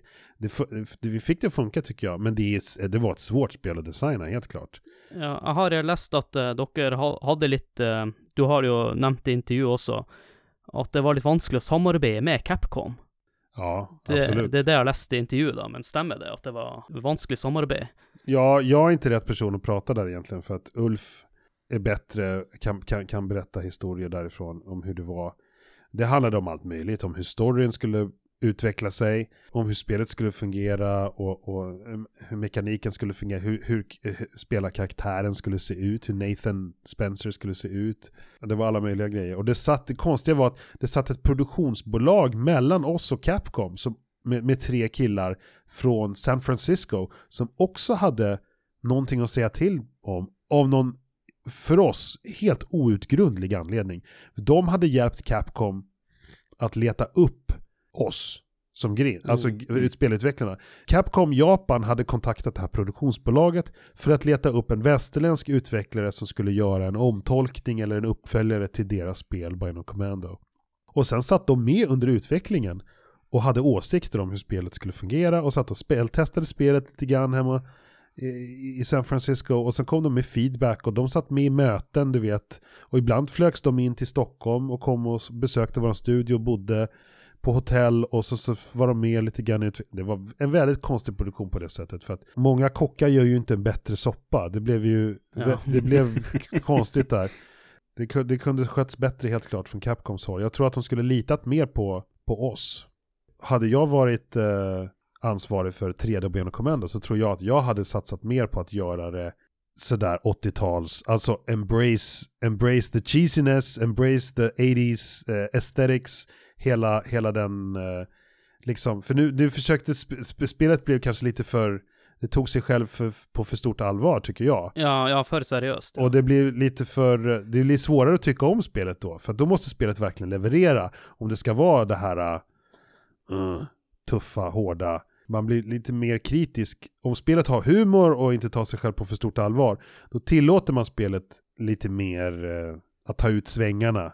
ja. Och göra lite mer crazy shit. Så uh, det hade, jag vet inte. Det är lätt att vara efterklok. Hindsight is 2020. Eh, och jag ska inte säga att det hade blivit bättre. Men det, var, det är så jag har tänkt ibland när jag har tänkt på det. Men det är inte säkert att det var vad Capcom ville. Ulf skulle, eh, skulle kunna berätta mycket historier om hur, hur Capcom betedde sig. Men jag tror att, jag tycker att Bionic Commando eller Bionic Commando-mekaniken åtminstone har en framtid. Men, Mm. eh, men sen vet inte jag ifall, jag tror att den kommer ha en framtid, det, det tror jag inte. Jag tror att Capcom har gett upp efter, efter att Bionic Commando 3D Bionic Commando från 2009 floppade så som det gjorde. Det sålde ju inte speciellt bra. Så tror jag att de har, eh, ja, de, skulle inte, de kommer inte satsa på det igen. Det kommer dröja väldigt länge i så fall. Men eh, responsen på Bionic Commando Rearm da, den ble jo da eh, som, som skulle bare være, si, reklamen for, for den nye, det nye 3D Bionic Commando. Den ble jo mye bedre mottatt da. Ja, Hvordan var det i, med tanke på salg da? mentaliteten från Capcoms sida var ju fortfarande att det skulle en marknadsföringsgrej. Så vi sålde ju den där för 999 dollar. Och det är ju väldigt billigt. Eh, så jag vet inte hur mycket de tjänade på det. Uh, det sålde säkert jättebra. Vi fick inte del av försäljningssiffrorna tror jag. Vi fick ju bara betalt för att utveckla spelet och sen så skulle Mm. Capcom då tjäna tillbaks de pengarna de hade investerat i oss och utvecklingen av spelet vid försäljningen. Så de var ju inte skyldiga att rapportera försäljningssiffror till oss. Så jag vet inte hur, hur bra det sålde. Men eh, det var ju den där, t- t- 2008 blev ju vad som kallas för The Summer of Arcade. När eh, A Braid kom ut, Mm. Bionic Commander Rearmed och Castle Crashers. Det var de tre, tre stycken eh, retrospel. Braid och, Braid och Bionic Commander Rearmed är ju side-scrollers. Eller plattformsspel. Och Castle Crashers är ju lite mer som en sån här brawler, lite i stil med Mm. Double Dragon eller de här spelen som också fanns på 8-bitars Nintendo-tiden. Ja, det har en liten retro-känsla sådär. Och det var de stora spelen som blev så här, wow, det går att göra retrospel och eh, släppa på Xbox Arcade som var deras live, liksom online. Man, kunde, man behöver inte köpa en fysisk eh, eh, utgåva utan man kan ladda ner Ja. spelet direkt då från deras tjänst. Problemet var att eh, då fick spelet bara vara 200 megabyte stort. Eh, så vi var ju tvungna Mm. att, att banta ner spelet för att komma in under den här eh, gränsen för hur stort spelet fick vara. Eh, det var ett populärt spel, helt klart.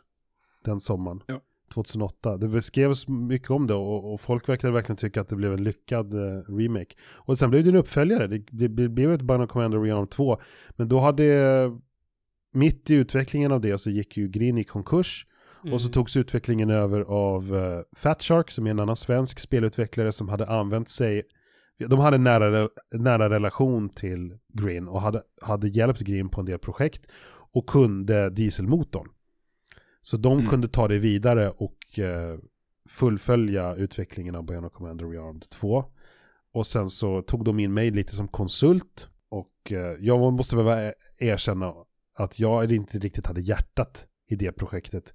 Jag gjorde det mycket för att vi hade då, efter att Green har gått konkurs, hade vi startat ett nytt företag som hette Ten, nej inte Ten Chambers, det är där jag jobbar nu.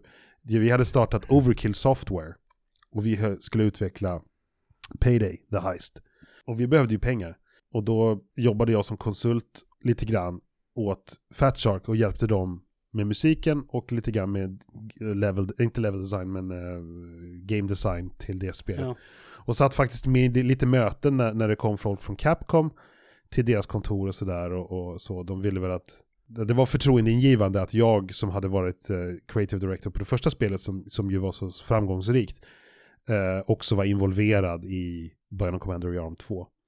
Eh, men jag måste säga att det var ju lite mer för pengarna. Vi drog in de pengarna, alltså jag jobbade åt Fat Shark men pengarna gick till Overkill Software och blev en del av produktionsbudgeten för Payday the Heist. Mm. Du sier at du hadde ikke hele Du hadde ikke sjela di i prosjektet. Det legger man også merke til i Bionic Commando Rearm 2, at det, det er akkurat som noe magi mangler i det spillet. De har også gjort en eh, dødssynd i eh, Bionic Commando Rearm 2. Det at de innførte hopping. Og så skal jeg sitere han eh, Fujiwara, som har eh, lagd eh, Top Secret og er far av Bionic Commando. Han sa hvis eh, spilleren kunne hoppe, ville de blitt altfor avhengig av denne mekanismen. Ja. Dermed ville det ha ødelagt selve gameplayet. Derfor er ikke hopp hoppefunksjonen med i spillet. sa han om Bionic Commando. De, I Bionic Commando Rearm 2 så har de tatt med hoppefunksjon. Og hva skjer da? Vi spillere ble for avhengig av å kunne jumpe. Mm.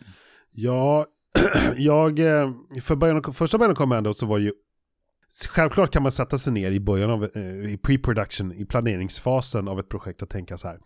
Vi, eh, vi gör en remake, nu ska man kunna hoppa. Problemet är att då, då, då, då måste vi göra om alla banor, all level design måste göras om för att anpassa spelet till att man kunna hoppa. Så det var ett tidigt beslut. Jag sa, det kommer kännas konstigt för många att man inte kan hoppa, för att det går ju att säga att ja, man kunde inte hoppa på 8-bitars Nintendo-versionen för det fanns inte tillräckligt med knappar på handkontrollen. Så du har A, B och då måste du kunna skjuta ut den bioniska armen på den ena knappen och skjuta ditt vapen på andra knappen. Då finns det inte en tredje knapp för att hoppa. Så då blev det bara de knapparna. Tänk, så det går ju att försvara på det sättet. Hans visjon var at du ikke skulle hoppe i det hele tatt. For eh, armen er gameplayet. Även om det hade funnits en knapp till så hade han inte tillåtit spelaren att hoppa. Ja. Ja, jag eh, måste säga att jag, jag, eh, även om jag är ett stort fan av Bionic Commando, så skulle jag säga att jag tycker inte förmågan att hoppa förstör spelet. För att om du gör så att du har en plattform eh, och, och så någonting du ska få tag i, en lampa eller ett, en pl annan plattform eller något tak eller någonting. Och det krävs att du hoppar för att komma ut en bit och sen i, mitt i luften så ska du skjuta ut armen för att ta tag i den här saken. Då måste du ju använda både hoppet och armen. Det blir ännu mer av en skill. Du måste tajma. Du kan inte bara stå på plattformen och skjuta ut armen. Utan du måste hoppa och mitt i luften skjuta ut armen. Eh, så att jag tycker inte att det är ett problem egentligen. Du måste bara se till att level design stödjer eller är anpassad till det faktum att spelaren både kan hoppa och ta sig längre ut och längre upp med hjälp av ett hopp och sen skjuta ut den bioniska armen från den punkten. Jag tror inte att det är så stort problem egentligen. Jag tror inte att Bionic Commando Realm 2 är ett sämre spel av den anledningen. Nei, nei. Men det jo bra at vi snakker litt om eh, funksjoner og spill og sånn, for jeg tenker at vi kan gå over til eh, spalten hvor vi skal rate på Bionic Commando Rearmed.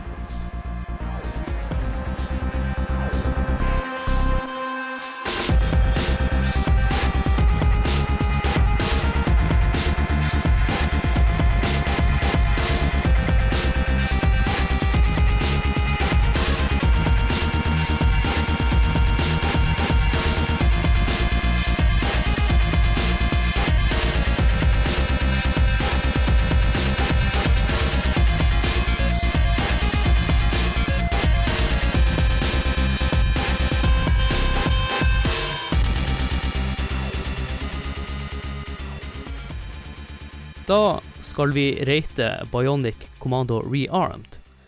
Og det vi bruker er Nintendo-magasinet sine kriterier og karakterskala for å bedømme dette spillet etter disse fem punktene.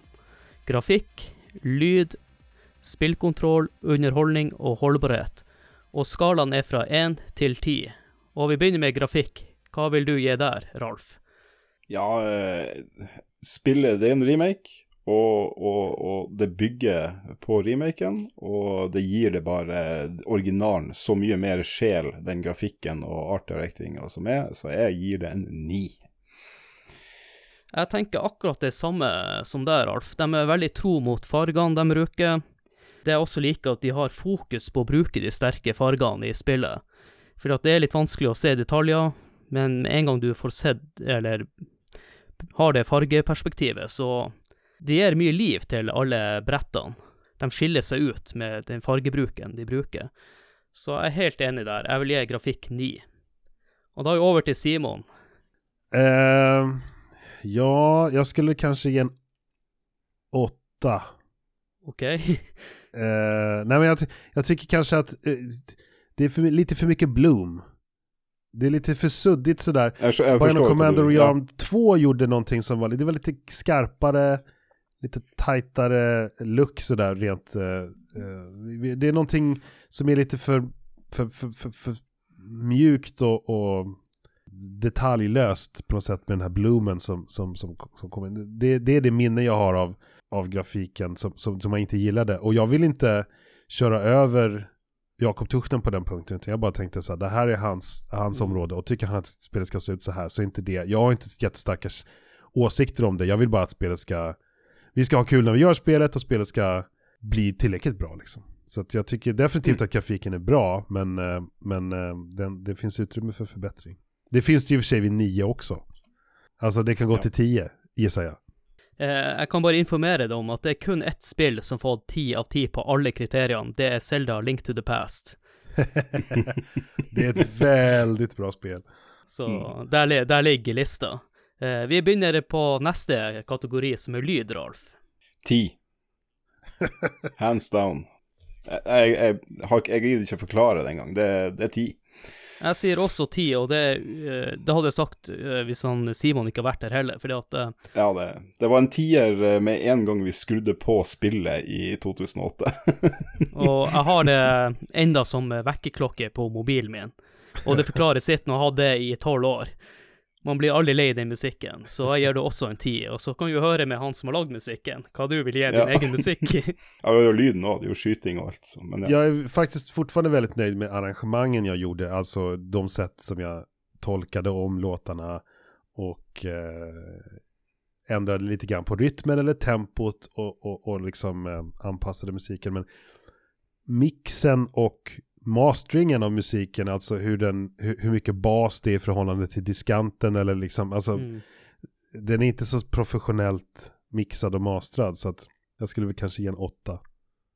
Åtte der òg, du er streng med deg sjøl. Åtta, om jag- åtta, åtta, åtta, åtta, åtta är också bra. ja. ja, ja, det er det. Du vet, har man 80 på Metacritic, då är det ding ding. Jeg tror det spillet kommer litt høyere, i hvert fall hos oss. Skal Ja. vi se spillkontroll, Ralf?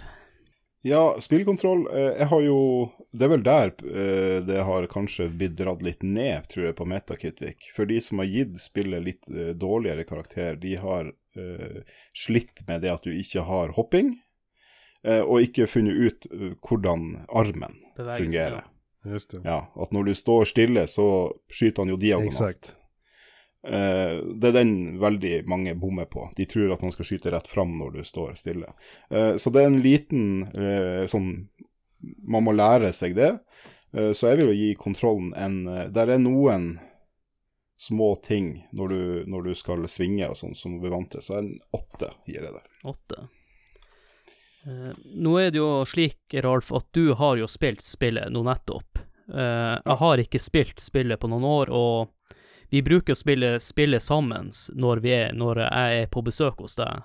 Noen IPA, og så er det Bionic Commando. Jeg, jeg må bare gi det åtte der òg. Vi tar en sånn Simon-karakter her. Åtte. Jeg, jeg vil også bare legge til eh, det med coop. Det, det, det ble jo løst på en veldig god måte at når karakterene kommer eh, langt fra hverandre, så blir det split screen. Og det er en sånn helt sånn smooth overgang til det. Eh, og det gjør at eh, spillkontrollen eh, for hver enkelt karakter fung fortsetter å fungere. Om inte jag missminner mig så, så delas också skärmen diagonalt, Ja. eller vad säger jag, eh, horisontellt eller vertikalt beroende på hur banan, hur man rör sig i banan. Om man rör sig sidled... Ja. Ja. Jag vet inte riktigt hur vi gjorde det där, det är väldigt smart. Jeg, jeg, har ikke, jeg har ikke sett det før, og jeg har ikke sett det etterpå. Eh, men, og det fungerer veldig Ja. bra.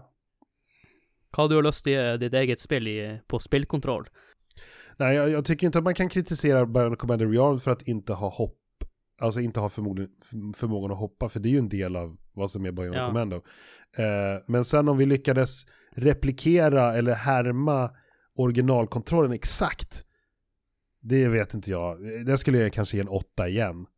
Eh, för det är inte Mm. perfekt, alltså det är inte exakt samma känsla. När man tar 8-bitars Nintendo-kontrollen, hur den där armen flyger ut och tar, tar tag och när man svingar, det finns en exakthet i den rörelsen. Och det har väl att göra med att det liksom är frames i en, i en handritad animation. Så att vi gjorde ju någonting som var mer, inte fysikdrivet förstås, det var inte, men, men det var någonting som, det, rörelserna, kan, det är svårt att sätta fingret på. Det här är sådana här saker som, som skapar känslan, alltså kä- känslan i spelet. Det är hur, hur någonting Mm. rör sig, om det ser ut att vara fysiskt korrekt eller om det liksom är lite tweak på det.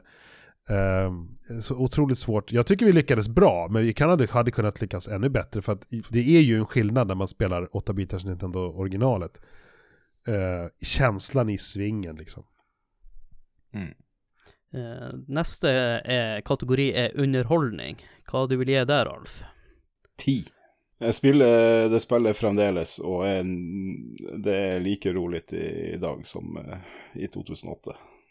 Så det, det, blir ti, det, det, blir jo ti på holdbarhet òg, for en saks skyld, for min del.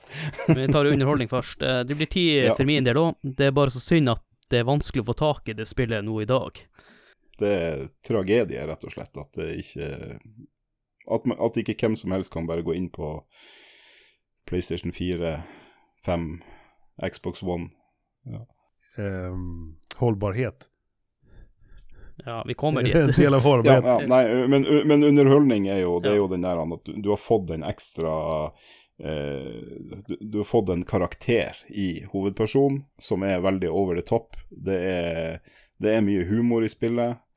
Uh, og, og, eh, og spille, spille, som en helhet. Lyd, grafikken og spillkontrollen, alt kommer jo sammen til, til et veldig underholdende spill. Ja. For å si det sånn, uh, man har lyst til å spille det spillet mange ganger på nytt igjen, og det tyder på at det er et bra spill. Ja, jag tänker, jag tänker, jag skulle väl ge en nia kanske. Jag tycker att spelet är väldigt underhållande, helt klart. Sen kanske vissa delar är för svårt, speciellt den här utom utanpå eh, albatrossen på slutet. Mm. Med de här plattformarna som viker ner sig och man faller och, och dör. Eh, det var för svårt så det finns, det är lite ojämnt, svårighetsgraden är lite ojämn eh, på, på, ett sätt. Samtidigt så har vi lagt till en hel del nya grejer som fler challenge rooms, eh, versus mode, cooperative, eh, kampanj. Vansklighetsgrad. Och mer, mer ja, olika svårighetsgrader. Kan man spela upp på ja. spelet på olika svårighetsgrader? Ja, easy, normal och hard. Just det. Hard må du låsa upp. Just det.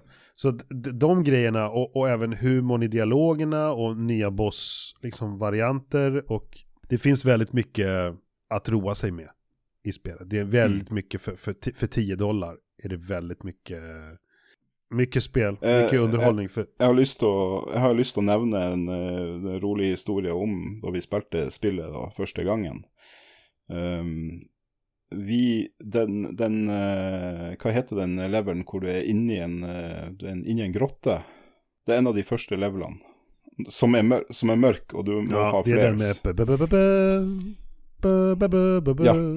Jeg minns ikke hva den heter, men ja.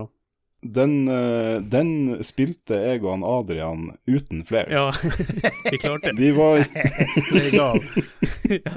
jo, okay. Vi, måtte, vi, vi, vi, lyste opp veien. Altså, vi måtte lære hvor er, hvor er spikes på bakken, uh, og så lyste vi opp uh, kartet med å skyte. Så én person sto og To player, eksempel, sto og skøyt sånn at uh, prosjektilene lyste opp ja, ja, ja. bakken. Og så svinga han andre seg framover for å, for å komme seg gjennom okay. Ja, det kanskje går å gjøre når man er to. Jo, men vi visste ikke om flere, så vi trodde at banen skulle være slik. ja. vi skrudde opp brightness på TV-en, og, okay. og, jo, jo, jo. Og, uh, men så fant vi ut uh, etterpå uh, at de her eh, neutral zone, de blir jo grå når du har gjort alt som kan gjøres der. Du har henta keycard, du har henta upgrade og osv. Så, eh, så den ene, ene, neutral zone var jo, eh, var jo enda i farge. Så da gikk vi inn der, og så fikk vi flere, så vi bare Neimen. Så vi spilte den, for å bruke et Metal Gear Solid-uttrykk, vi spilte den på European Extreme. Ja, exakt. ja. Da er vi på siste kategori, som er holdbarhet. Eh, hva du vil gi der, Alf, du som har spilt det nå nettopp? Jeg sa ti av ti. Jeg står på ti av ti på selve spillet. Jeg skulle bare ønske at det var lettere å kunne trykke play på PC. Eh, samme for min del. Eh, siden det er en 2D sidescroller, så er det tidløst, spillet. Designet er også eh, veldig bra. Det, det har ikke blitt det, det har ikke eldet seg noe særlig. Så derfor gir jeg også ti. Det er kanskje den Bloomen eh, som Simon nevnte, at, eh, at den, den har jeg lagt merke til nå når jeg spilte det eh, nå siste gangen. Men eh, jeg føler ikke at det, det, det ødelegger ikke for mye. Det, det er fortsatt en eh, ni av ti på grafikk. En, eh, du, Simon, hva du vil gi holdbarhet? Jag vet inte hur mycket man ska väga in det faktum att spelet är så svårt att få tag på nu. För att det finns inte hållbarhet för ett spel som inte går att spela längre. Men det, ja, det blir väl kanske två av tio då. Och det är Ja. helt och hållet Capcoms fel. Ja. Om man Ja. måste köra liksom i eh, administrator mode och eh, installera någon gammal version av physics och köra liksom eh, kom- Windows 7 compatibility mode och allt det här. Det låter ju vansinnigt. Eh, Men så- vi, vi ser tråk- bort ifrån det på Tråkigt, tråkigt på att det är så. Tråkigt att det är så, men eh, ja, det gör ju att spelet tyvärr inte har så mycket hållbarhet längre. Spelet har ju inte hållbarhet längre än, än vad utgivarna ser till att spelet finns tillgängligt för allmänheten. Men hvis vi ser bort ifra den biten, da. Jag håller med om det du säger Adrian, att, att side-scroller-genren åldras inte så mycket. Mm. Det känns lite grann som den ursprungliga tv-spelsformen.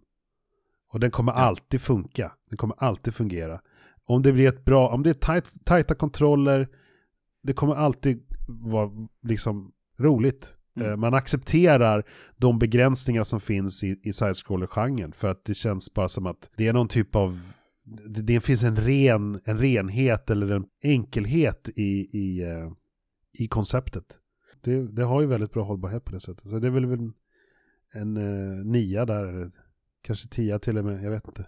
Ja, vi gir det en tier. Kom igjen. Ti. Ti. Okej, ti, tio då. Ja, tier. Bra. Yes. Eh, da eh, gjenstår det bare å eh, pitche podkasten. Måten å støtte spill på er å tipse venner og bekjente om podkasten. Gjerne join vår community på Discord og spill-community på Facebook. Og i tillegg også droppe en like på spill sin Facebook-side. Og da gjenstår det for meg å si tusen takk til deg, Simon Wiklund, for at du hadde lyst til å være med på denne episoden. Tack för att ni bjöd in mig. Det var roligt att vara med och det var en ära att få prata om spelet med, med er. Ja, og æ- æren er på vår side, vil jeg si. ja. Vi som är blodfan av eh, serien. Det är roligt att det fortfarande finns ett intresse för ett spel som är... Eh, ja, det originalet är ju 20, vad blir det, 30, Kom ut i 89, tror jag. 30, 88 tror jag, 33 år gammalt. Ja. Och, och Bionic Commander Rearmed är från 2008, så det är 13 år gammalt redan. Det är helt Mm. sjukt egentligen. Men eh, ja, det är häftigt att det har stått tidens tand. Ja, og så vil jeg si tusen takk til eh, deg, Ralf, for at du også kunne være med på denne episoden. ja, tusen takk sjøl. Det var en glede å være med. Og snakke om eh, Ja, for å, for, å, for å ta det litt sånn forsiktig, snakke om verdens beste remake. Ja. Jag skickar pengarna sen. ja. Ja, ja. Bra. Og da gjenstår bare for meg å si takk til han Simon, takk til han Ralf, og da sier jeg bare ha det! Ha det bra.